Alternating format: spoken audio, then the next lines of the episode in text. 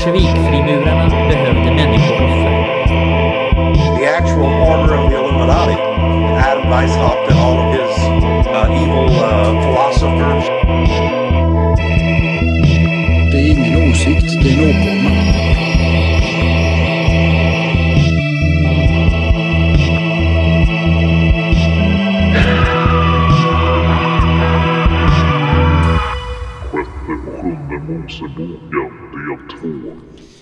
När Martin Edsman satt i Lunds folklivsarkiv 1941, mitt under andra världskriget, ska han hittat ett ytterst rikt material både i södra och i norra Sverige om sjätte och sjunde Moseböckerna. Det har då talats om att Bibeln en gång varit dubbelt så stor som nu, att det funnits en sjätte, sjunde och ibland ända upp till tio delar av sjätte och sjunde Moseboken då, som under historien göms undan för vanligt folk då de innehållit svartkonst.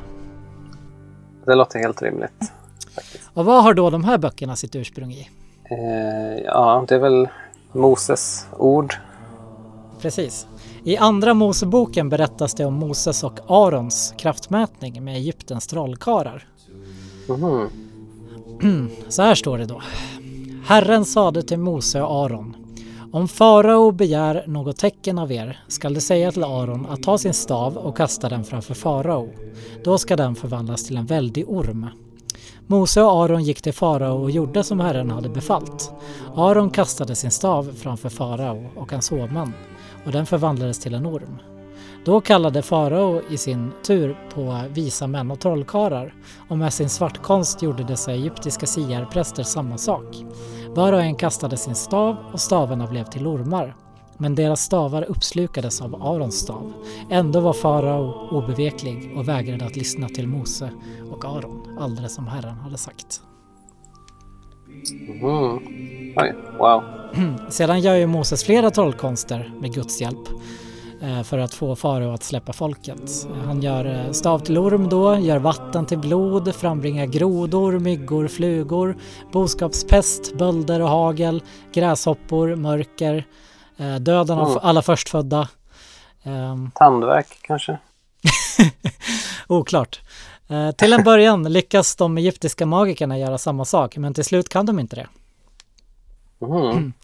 Och man har tidigare sett Moses triumfer över de egyptiska magikerna som eh, religionens vinst över svartkonst och hedna magi. Eh, Men det finns också andra som eh, sätter som en annan form av magi då bara som härstammar ur dels Moses, dels Gud och dels ur Egypten. Okej. Mm. Flera böcker utöver de här fem Moseböckerna, de vanliga, som vi är vana vid finns i Bibeln, har förknippats med Moses och också flera magiska sådana. Jaha. I Apostlagärningarna sägs det uttryckligen att Mose var upplärd i Egypternas hela vishet. Jaha. Ja, så kanske var han då en väldigt lärd man också i deras magiska tradition. Så då, då fick han lära sig, lära sig ett och annat. Helt. Precis. Strabo beskriver i sin geografi Moses som en egyptisk präst. Och också Plinius härleder en trolldomsskola från Moses. Jaha. Wow. I en grekisk magisk papyrus som ska finnas i British Museum. Jag antar att det här att de menar den här greke papyri som är jävla spännande. Där framträder Moses till och med som den huvudlöses, den gode Osiris besvärjare. Jag är Moses, din profet, åt vilken du överlämnat dina mysterier som firas i Israel. Ja, Enligt en papyrus som kanske finns på det här museet. Papyri Graecae Magicae. Den här finns. Jag tror att alla delar inte har eh, översatts. faktiskt. Jaha. Ja, den, jag, den känner jag inte till alls faktiskt. Nej, dold fakta. det är eh, en av de äldsta kända magiska samlingarna. Jaha. Eh, så eh, sjätte och sjunde Moseboken ska då vara Moses magi som han fick på Sinai av Gud. Men som sen undangömts och Mhm. ligger till grund för allt möjligt. Ja, okej. Sen har, jag skri- sen har jag skrivit i mina anteckningar Osiris penis, men jag kommer inte ihåg varför. Nej, vad, vad, är det, vad är det nu? Jag minns inte riktigt. Men, eh, Är det, här har- något från, är det här något från den här boken The Secret History? Kanske, men det, det är ju, Osiris-myten är ju att eh, Osiris blev styckad av Set tror jag. Och att hans penis blev antingen uppäten av fiskar av Set eller att han Mm. Liksom var hel. Och så gjorde Isis någonting med den och fick Osiris att återuppstå, har jag för mig. För att hon gjorde något med, med penisen, eller vadå? Ja, det, alltså det är ju dumt att jag går in på det här nu när jag inte riktigt vet hur den här Ja, myten... du har inte Eh. riktigt på fötterna här. Nej, ja, men det, är- det är någonting som är viktigt med Osiris penis. Men eh, Osiris vet jag i alla fall att eh, man kan koppla honom till Hermes, du vet. Eller Merkurius är väl också Hermes. Och också till Jesus då, alltså du vet myten om återuppståndelse. Eh, ja, just det. Men det här är ett, också ett sidospår som jag inte ska gå in på, för det här är alldeles för klurigt för mig. Ja, nej, när det gäller Jesus har jag... Jag tror ju som sagt på Lantz von Lieberfelds teori Ja, just det. om att han blev fastbunden vid en påle för att bli våldtagen av apbästar. Ja, ja, vi har ju olika, det finns ju olika skolor. Jo, Liksom, om Ja. ja, vi kanske Jesus. vi, vi kommer aldrig komma överens om det här. Nej, nej. Nej jag, jag tror nog mer på att Jesus kan vara en eh, hermetisk trollkarl. Ja, jo, men det tror jag också. Och så var han elektrisk också. Ja, och, och möjligtvis att han hade en ond tvilling i Sydamerika. Eh, ja, okej.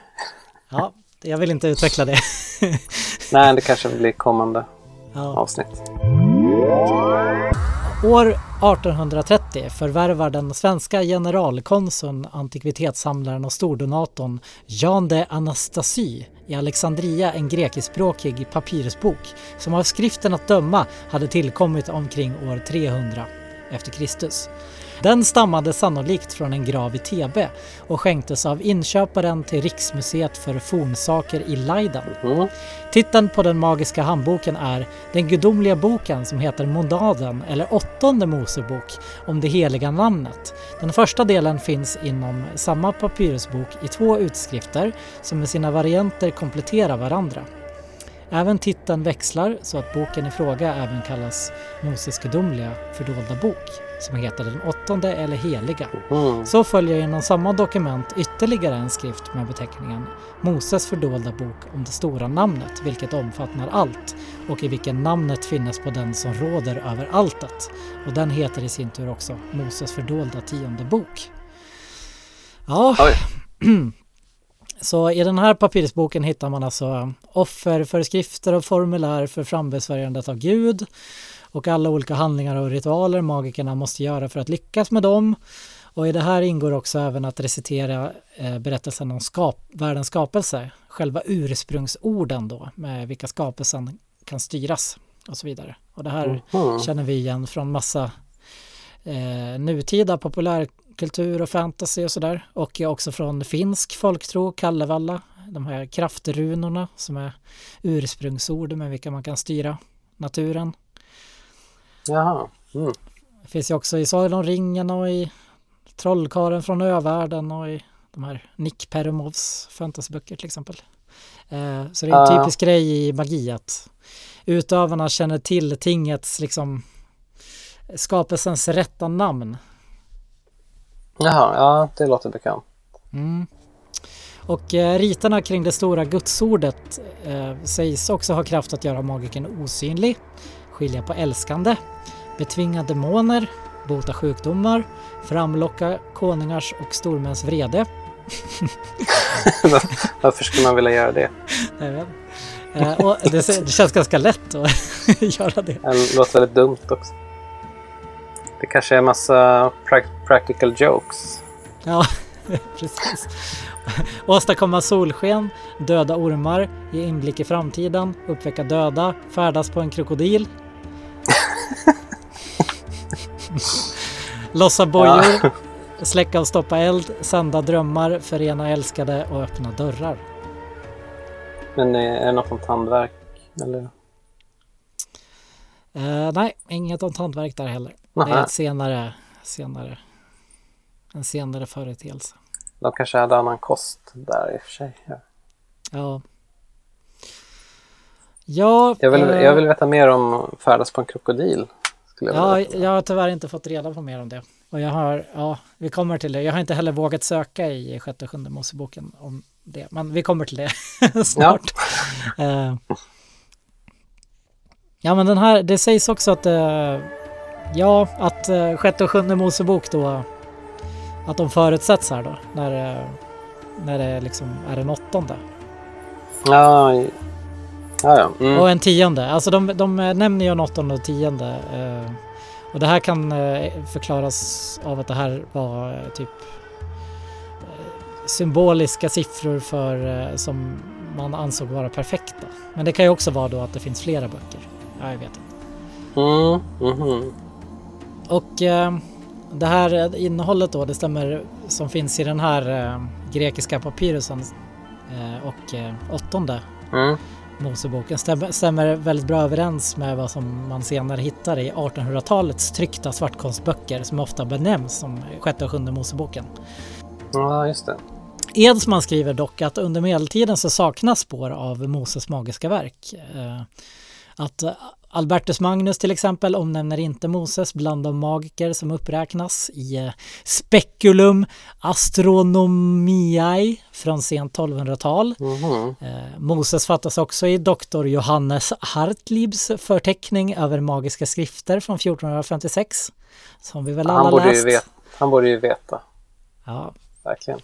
Han saknas också hos abboten Tritemeus och han, i hans omfattande överskrift av äldre trolldomslitteratur. Jaha. Och han saknas också hos Agrippa och då menar jag då Agrippa av Nettesheim, ockultisten och inte statsmannen i Rom. Uh, aha, faktiskt, det finns två Agrippa. Eh, Det är möjligt att Mosesvärd, som är ett medeltida judiskt eh, magiskt dokument med olika besvärjelser, inte var känt av författaren då. Mm.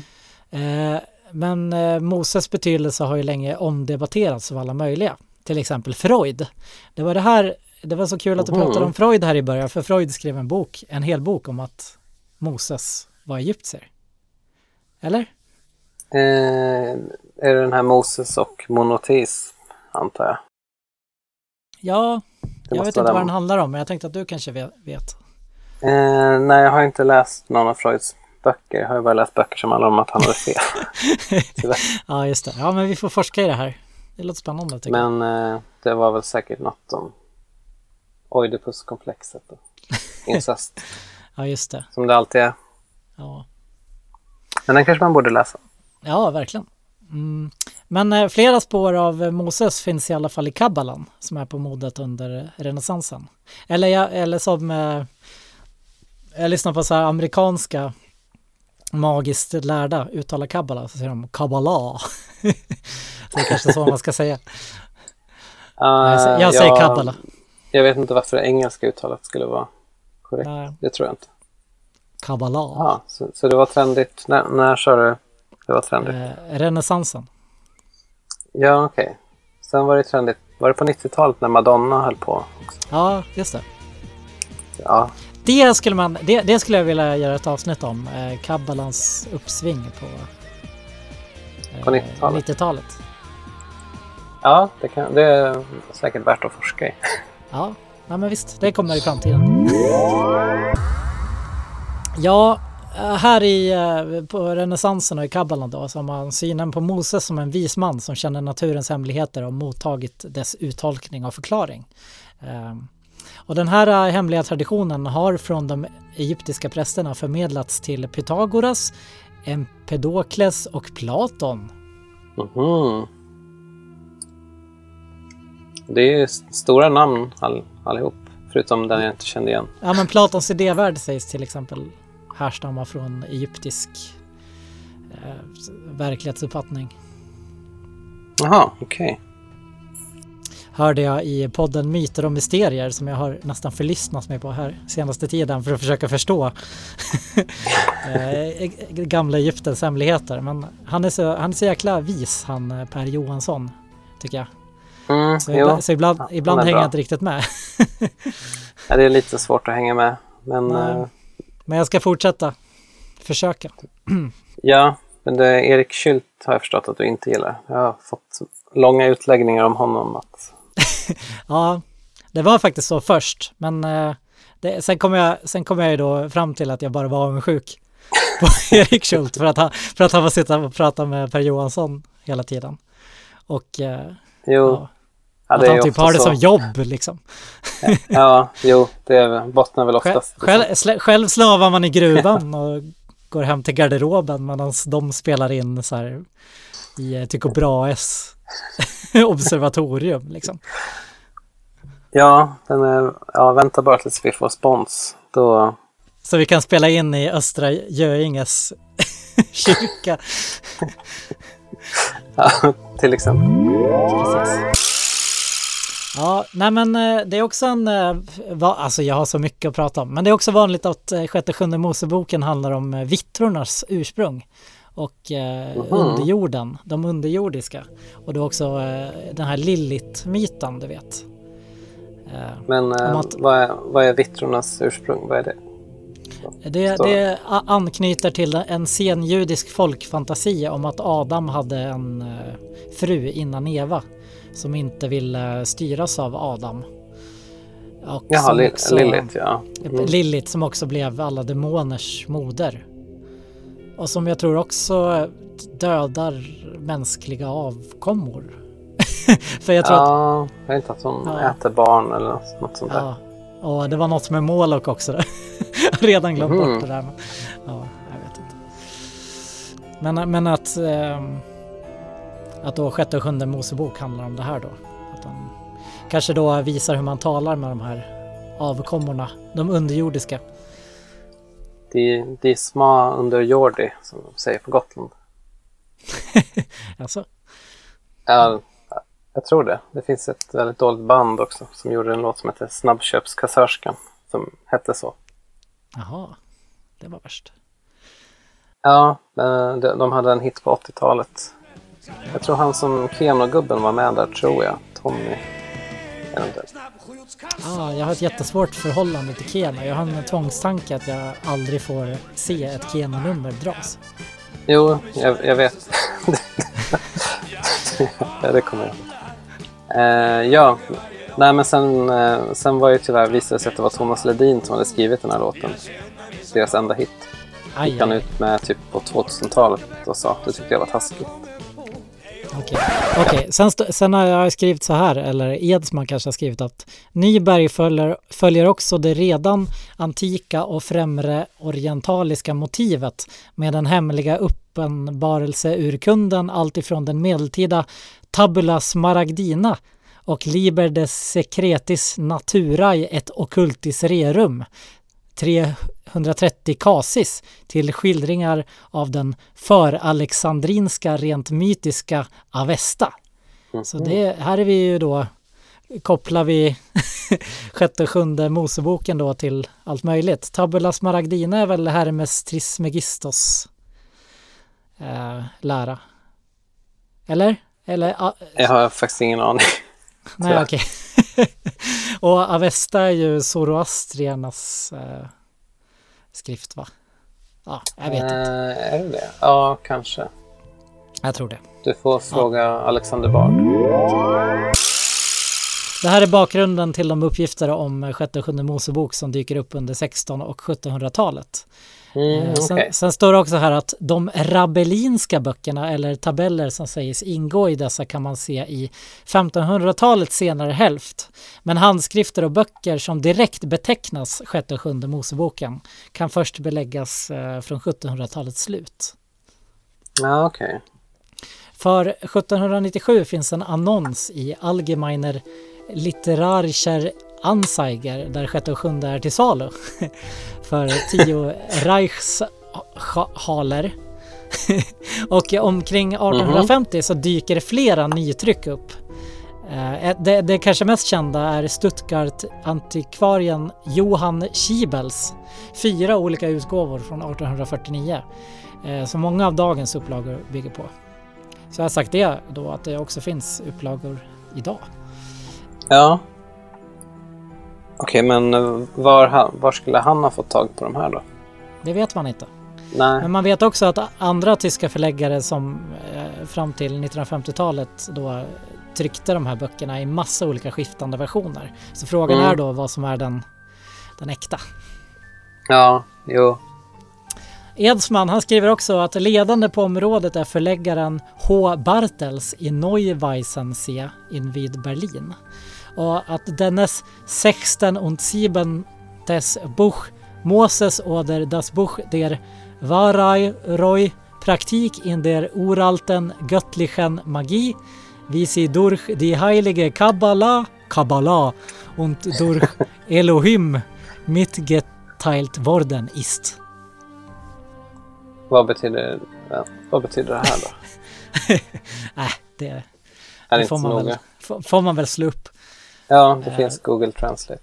Mm, tryckt i Philadelphia, vilket är spännande, för det kommer vi till senare. Eh, ja, det här är utan tryckår, men med ett tryckt kabbalistiskt sigil och tre påsatta svarta lackstämplar. Uppsala universitetsbibliotek ska då ha haft ett sånt, exakt ett sånt, eh, Mhm. ett sånt tryck förvärvat 1911. Och det finns inte i Libris nu, det har jag såklart kollat upp. Ja, det är skandal. Ja. Inte vad jag kan hitta. Det kan, kan ju hända att jag stavade någon tysk, tyskt ord lite fel. Men Ja, du kanske ska spara på ditt raseri tills kollat upp det. i det här bandet så ingår även en rad andra magiska och eh, ja, naturliga receptsamlingar då. Mm. Och också, också däribland den eldsprutande draken. Och det här är kul för det är egentligen en Ja. fransk 1700-tals smädeskrift mot vidskepelse. Som alltså Jaha. är en parod- parodi på en ritual för att frammana Lucifer. så det är lite typiskt. Ja, okej. Ja, det, det låter väldigt typiskt. Ja men är det inte ofta så att eh, någon skriver typ en parodi på någonting och så, så tar alla det som, som för, för äkta vara liksom. Jag kommer inte på ett enda exempel, men eh, det låter väldigt typiskt. Sions, Sions visa, är inte det lite så? Eh, ja, eller det var inte menat som en parodi, men jo, Det var något liknande. en förfalskning i alla fall. Ja. Ja, om ni har bra exempel, våra lyssnare, så kan ni höra av, höra av. ja, vi väntar fortfarande på mail, fast vi har i och för sig inte kollat vår vi Nej. startade. Nej, det är sant. Men Facebook också. Ja. Eller ja, i och för sig, kan, vi kan ju förstå om lyssnare inte vill ha Facebook. Men eh, vi kan väl i alla fall rekommendera att man går in och likar oss på Facebook, för det strular ju till algoritmen, Mm, kan man ju tänka sig. ja, det kan vi verkligen rekommendera. Ja. Att, att det blir så här, Facebook bara, vad är det här? Liebenfelds eh, gudomliga elekt- elektron. Ja, det kan få Mark Zuckerberg något att fundera på. Ja, precis. Vi går till den här uh, Scheibles utgåva då från 1851 som är så inflytelserik i olika tryck av sjätte Ja. Moseboken. Jag antar att du har den framför dig nu när vi pratar. ja, för, för, nej, usch, jag vågar inte, vågar inte befatta mig med fysiska, fysiska upplagor. Ja, men i alla fall, Mm. vad den innehåller då så börjar den med essän Israeliternas magi som är hämtad ur Ene Mosers Geschichte der Magi från 1844. Och sen följer då sjätte och sjunde Moseboken med tillhörande 23 figurer. Det, men det här omfattar endast 23 sidor. Jaha. Eh, sen, sen finns där också tre sidor med en berättelse om hur en eh, av handskriftens avskrivare använt sig av en andebesvärjelse för att få reda på ett lottonummer. men eh, misslyckats. Men, eh, men sen faktiskt Ja. fått, fått eh, reda på rätt teknik genom en gudfruktig apotekare. Jaha. A- alla var apotekare för. Jo. Men eh, vilket var rätt lottonummer då? Det kan ju vara bra att veta. Det förtäljer tyvärr inte historien. Nej. Ja, det är inget för dig som inte kan se Keno-dragningen i. Nej usch, usch. Jag som har lottofobi. Eh, ja. På, men sen på sidan 94 då, då börjar en omfattande text som går till bokens slut. eh, som är på sida 151. Och här Mhm. finns formler för att besvärja olika andar, änglar och demoner. Sedan finns också de olika serierna av semiforas. Och de sju mysterierna med deras besvärjelser och insegel som Mose ska ha fått av Gud. Då han två gånger talade med honom uppe på Sinai. Mhm. Och där med denna kunskap delade Röda havet och gjorde allt det här. Du vet, allt han gjorde. Gjorde Ja. kopparormen, brände upp guldkalven, framkallade manna och vatten under ökenvandringen och Egyptens plågor och så vidare. Ja, just det. Semiforas, är det de här äh, ärkeänglarna eller? Ja, nej, jag vet inte. Jag ska har inte. ingen aning. Men eh, det, låt, det låter rimligt. Okej. Andarna som eh, frambesvärjas är Och, Puel, Tehor, Anoch, Shod, Almon, Ahael och Ban... Banech. Inseglerna och Mhm. eh, tabellerna för att framkalla dem står sedan i detalj. Och det är Aha. 12 tabeller med tillhörande element och eh, pla- planeter och andar då som hör till dem. Så det är luftens andar, eldens andar, vattnets andar, jordens andar, Saturnus-tabellerna, Jupiter-tabeller, krigsandar, solandar, Venus-andar, Merkurius-andar, andetabellen och Shem- Shemham-Forach-tabellen. Jaha. Och sist är det Lotto-tabellen. Eh, och tandvärkstabellen. Jag skojar. Det finns eh, salmer för att hela som man kan använda om man har ett rent samvete. Det finns Mm. Guds heliga namn och änglarnas namn då. Eh, Som Mhm. bara kan sägas på hebreiska och jag antar att man måste säga dem då med rätt hebreiskt uttal. Ja, men du som är så bra på det här med dialekter kanske kan klara det här. Ja, hoppas inte. Jag ska läsa en, en besvärjelse snart. Jaha, Eh. oj, oj, oj. oj. Ingen farlig hoppas jag. Eh, och magikerna ska också använda rökelse och helig olja eller heligt vatten när man läser de här besvärjelserna. Mm. Även talismaner och ljus kan användas på olika vis. Mhm.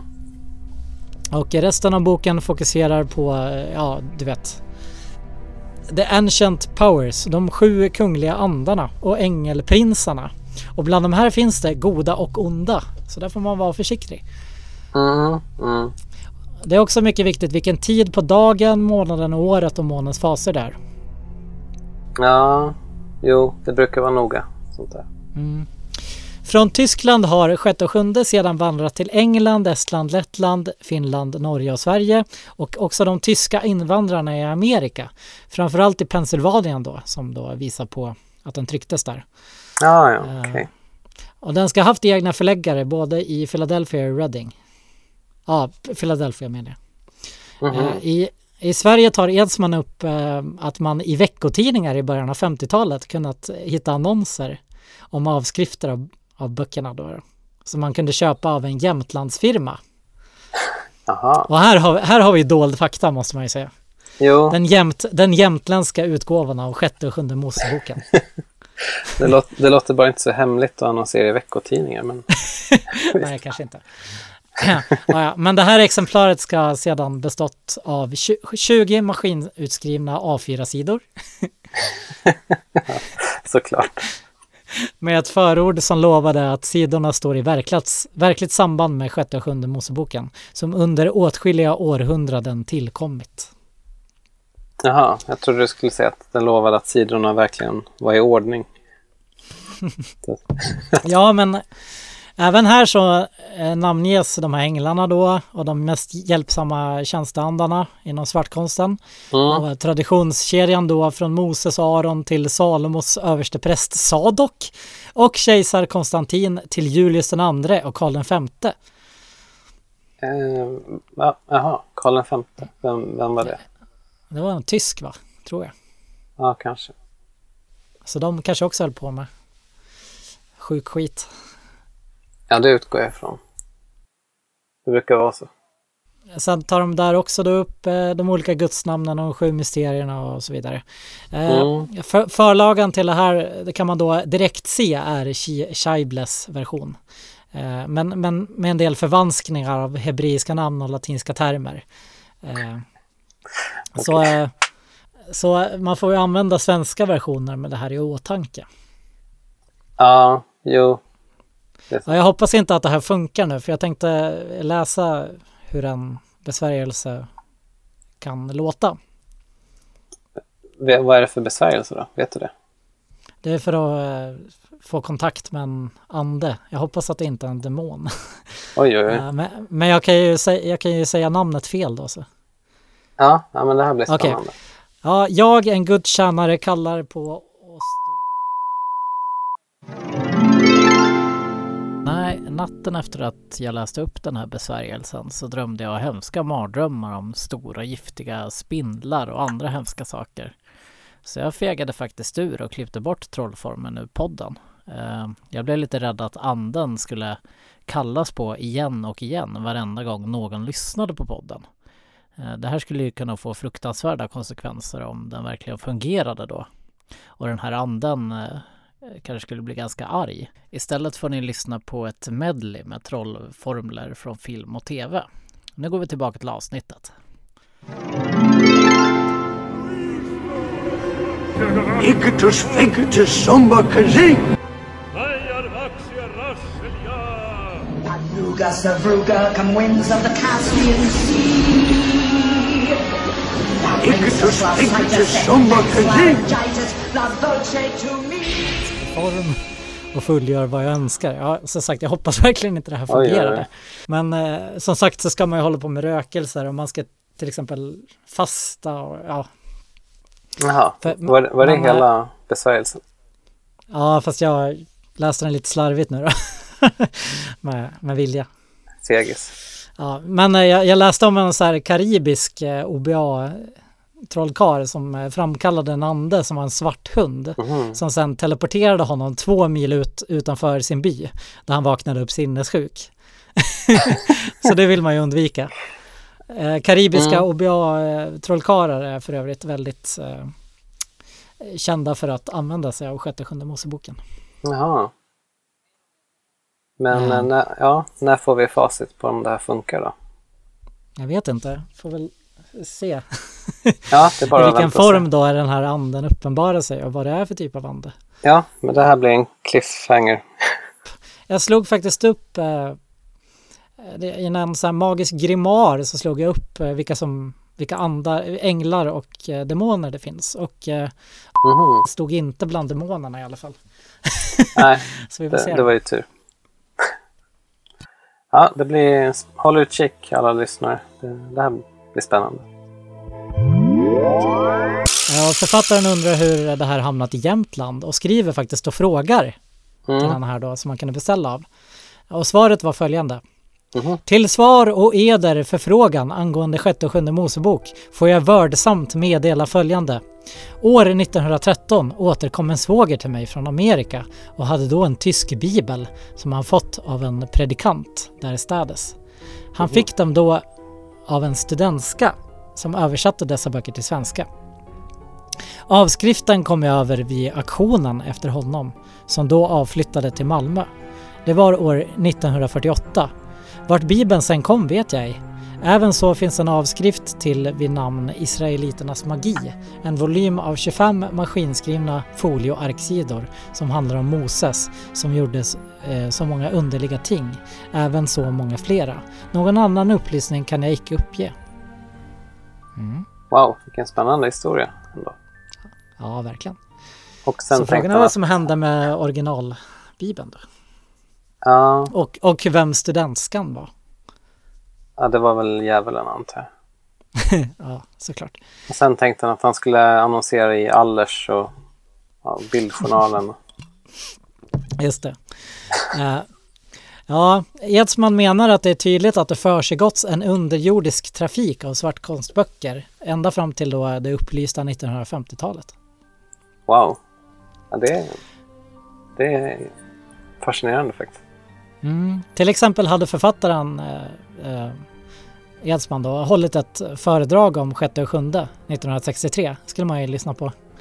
Mm, verkligen. Och då träffat en etnolog från Norge som precis fått in ett ljudband med en avläsning av sjätte och sjunde Moseboken som visade sig vara ordagrann från den jämtländska versionen. Vem tror du, vem tror du den här kommer ifrån då? Eh, ingen aning. En same! Jaha. Det vet vi ju sedan tidigare att eh, samerna var väl bevandrade inom magiska magi och trollkonster. Mm. Ja, för så, så ett annat bevis för den här trafiken tar han också upp eh, en förfrågning som Radiotjänst fick av en programledare i programmet Lite av varje. Som hade fått en fråga av en präst då. Och då skrev Okej. han Frågeställaren har sett annonser med erbjudande av avskrifter av sjätte och sjunde Mosebok och undrar vad detta kan vara för skrifter. Han förmodar att det är fråga om vitskepelse som allmänheten borde upplysas om. Professor Riesenfeld har vänligen uppfyllt, upplyst mig om den apokryfiska Moseslitteraturen i antiken och på 1700-talet. Vad jag skulle vilja be dig om vore några ord angående de nu aktuella Moseböckerna, en sammanfattning av vad de innehåller, gärna något drastiskt exempel och en formulering av hur dessa skrifter bör avfärdas såsom rent nonsens, vidskepelse eller dylikt. Ja, skeptiker. Ja, etablissemangskramare. Kanske inte en skeptiker, kanske någon som eh, förstår att det måste undanhållas också. Jo, verkligen. Typiskt public service. Sjätte och sjunde verkar varit väldigt populära i Tyskland som, vi, som det har märkt fram till nu med allt vi Mm. pratat om. Mm. Eh, Det vittnas om att när man försökt beställa dem på bibliotek i Tyskland så är de ofta förs- försvunna. Mhm. Eller, eller så har folk då skurit ur vissa formler. Många talar om att det i eh, Wittenbergskolan så studerar man just då sjätte och sjunde Moseboken har vi varit inne på lite förut.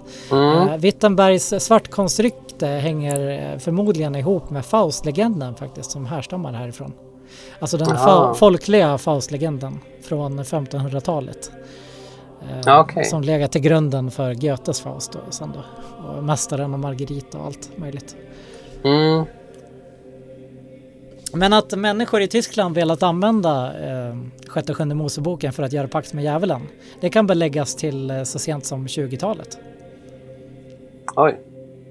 Eh, omkring 1929 29 så skrev en man från Pommern Tron på Gud har jag förlorat. Nu vill jag... ska jag ta det på tysk dialekt? Nej, det ska jag inte göra. nu vill jag överlämna mig åt den andra anden och anropa honom om hjälp och bistånd. Annars vet jag inte hur jag ska taga mig till. Ja, Var det någon som ville vinna på Lotto? ja. Eller var det lite som Angerstein där då? Ja. Mm.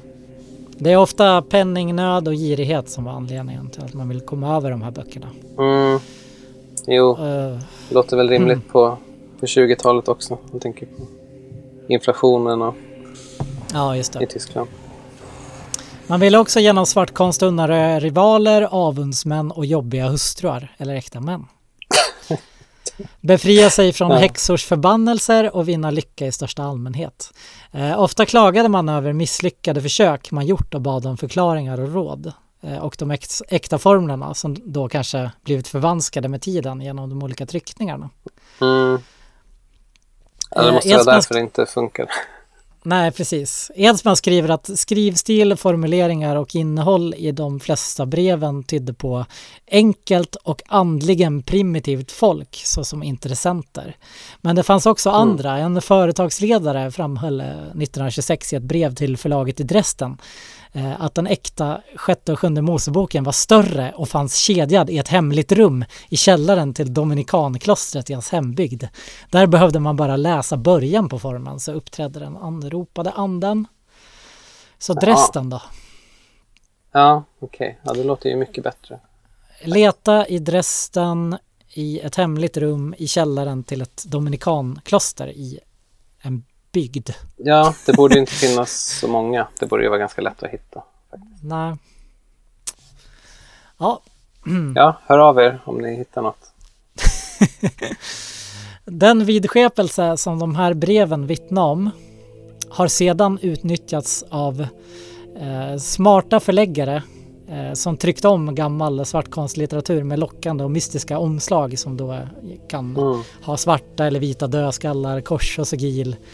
Och, ja. Reklamen slår ofta på liknande strängar då i annonserna som figurerar i skiftande tidningar och tidskrifter. Att det Mm. står ofta att den har varit förbjuden och innehåller hemlig och farlig kunskap och så vidare. Beslagtagen och frigiven av riksåklagaren kan också stå. Ja, det, är, det är bra copy det här. Det är det verkligen. Precis. Man blir ju lockad. Ja, i Tyskland har man i våra dagar årligen producerat hundratusentals exemplar av sådana svartkonstböcker som i stor utsträckning har nyttjats rent mekaniskt såsom amuletter, står det också. Mhm. Och att eh, sjätte och sjunde Moseboken är, den, är var då, då på 1950-talet den mest spridda svartkonstboken. Eh, men det rör sig inte om en bestämd text utan eh, titeln används på massa olika folkliga böcker. Ända upp till 22 stycken hade de räknats till här.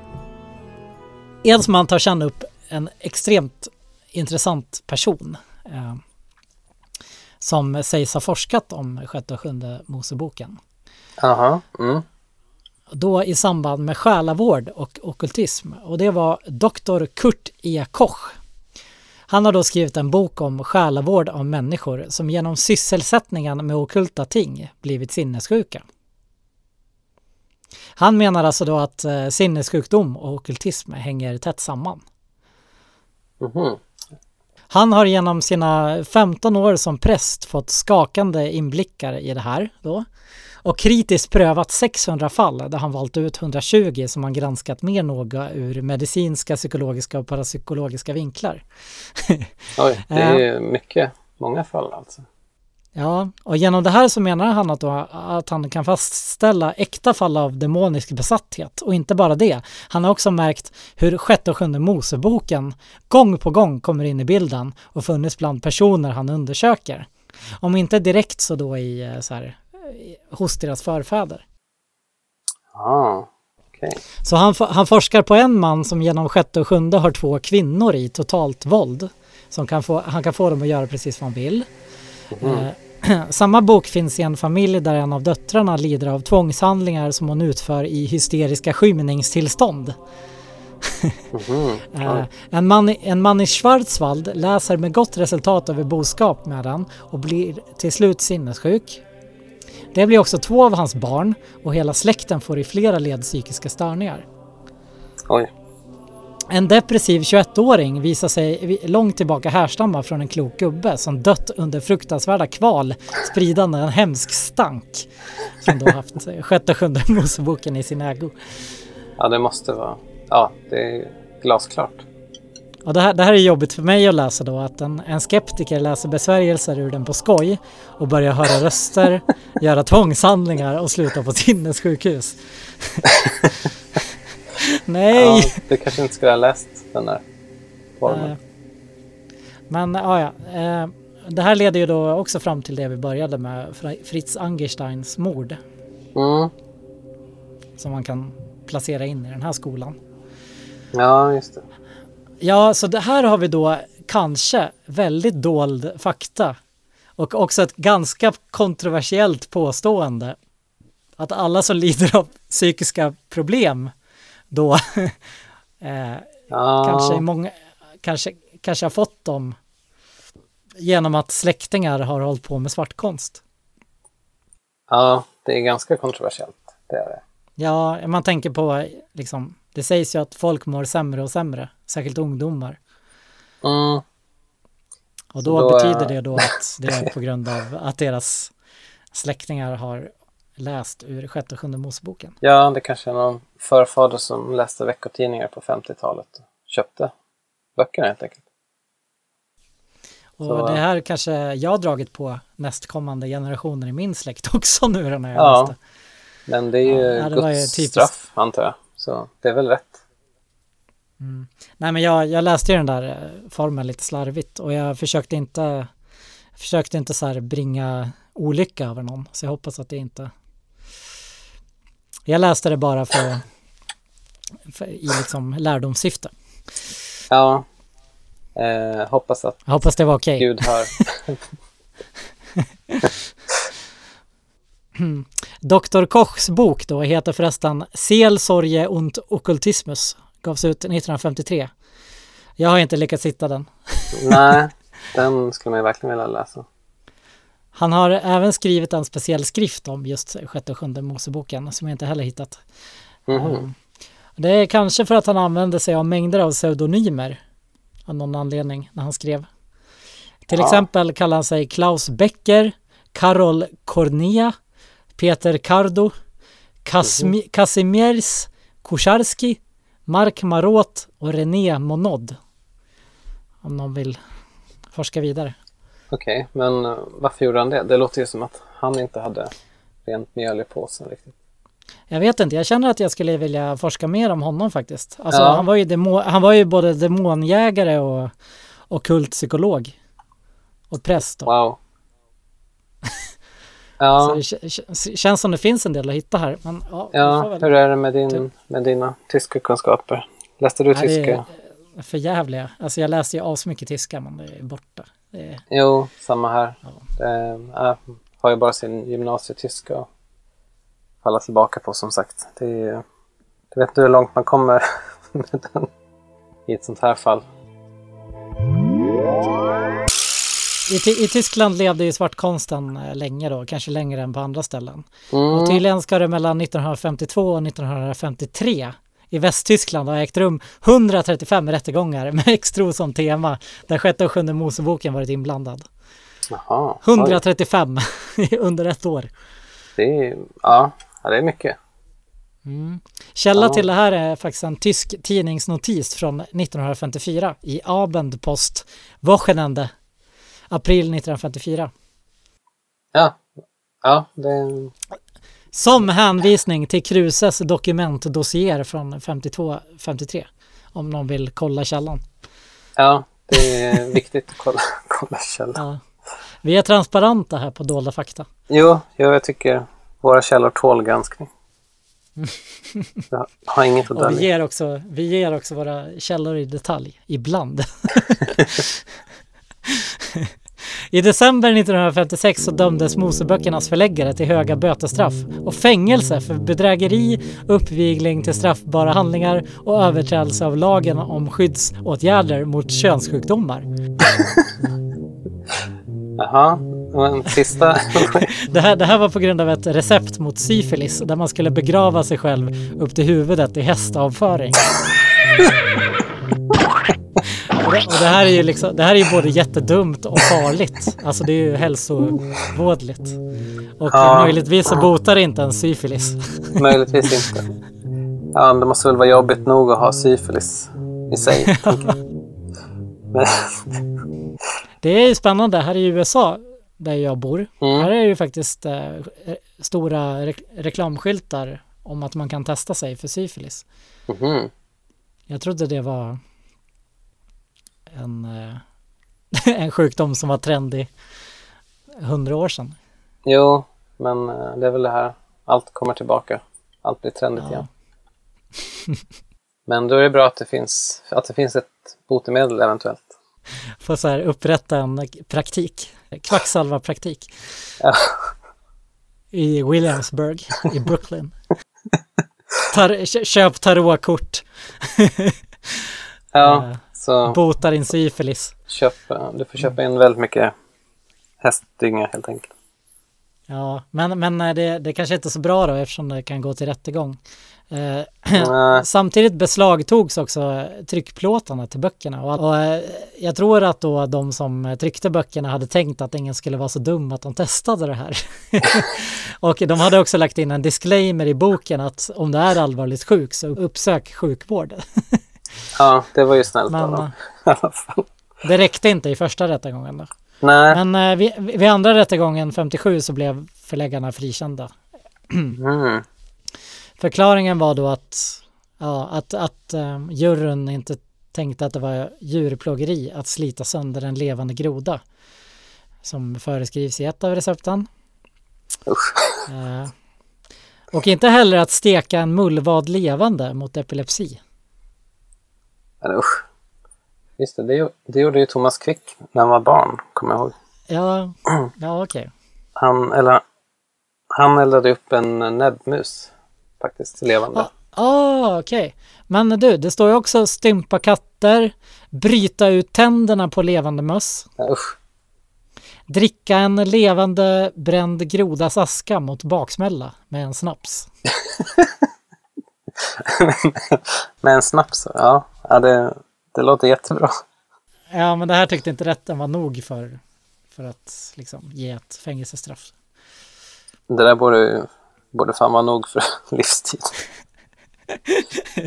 Ja, men med det här avslutar faktiskt också Edsman sin eh, långa text och skriver eh, och därmed torde sjätte och sjunde Mosebok tillräckligt påtagligt ha lyfts ur fantasins skumma valv och den mer eller mindre fromma vidskepelsens gömda skattkammare. Även som historisk realitet hör den ingalunda hemma enbart i ett kuriosa-kabinett. Ja. Gud vad Ja. vackert. Vackra ord. Vackra ord, men han hade ju helt fel. Ja. För, för eh, myten lever ju starkt fortfarande. Ja, om ni vill veta var man finner spår av sjätte och sjunde Moseboken idag så kan ni lyssna på nästa avsnitt av Dolda fakta. Tack för att ni lyssnat och ha det fint. Thank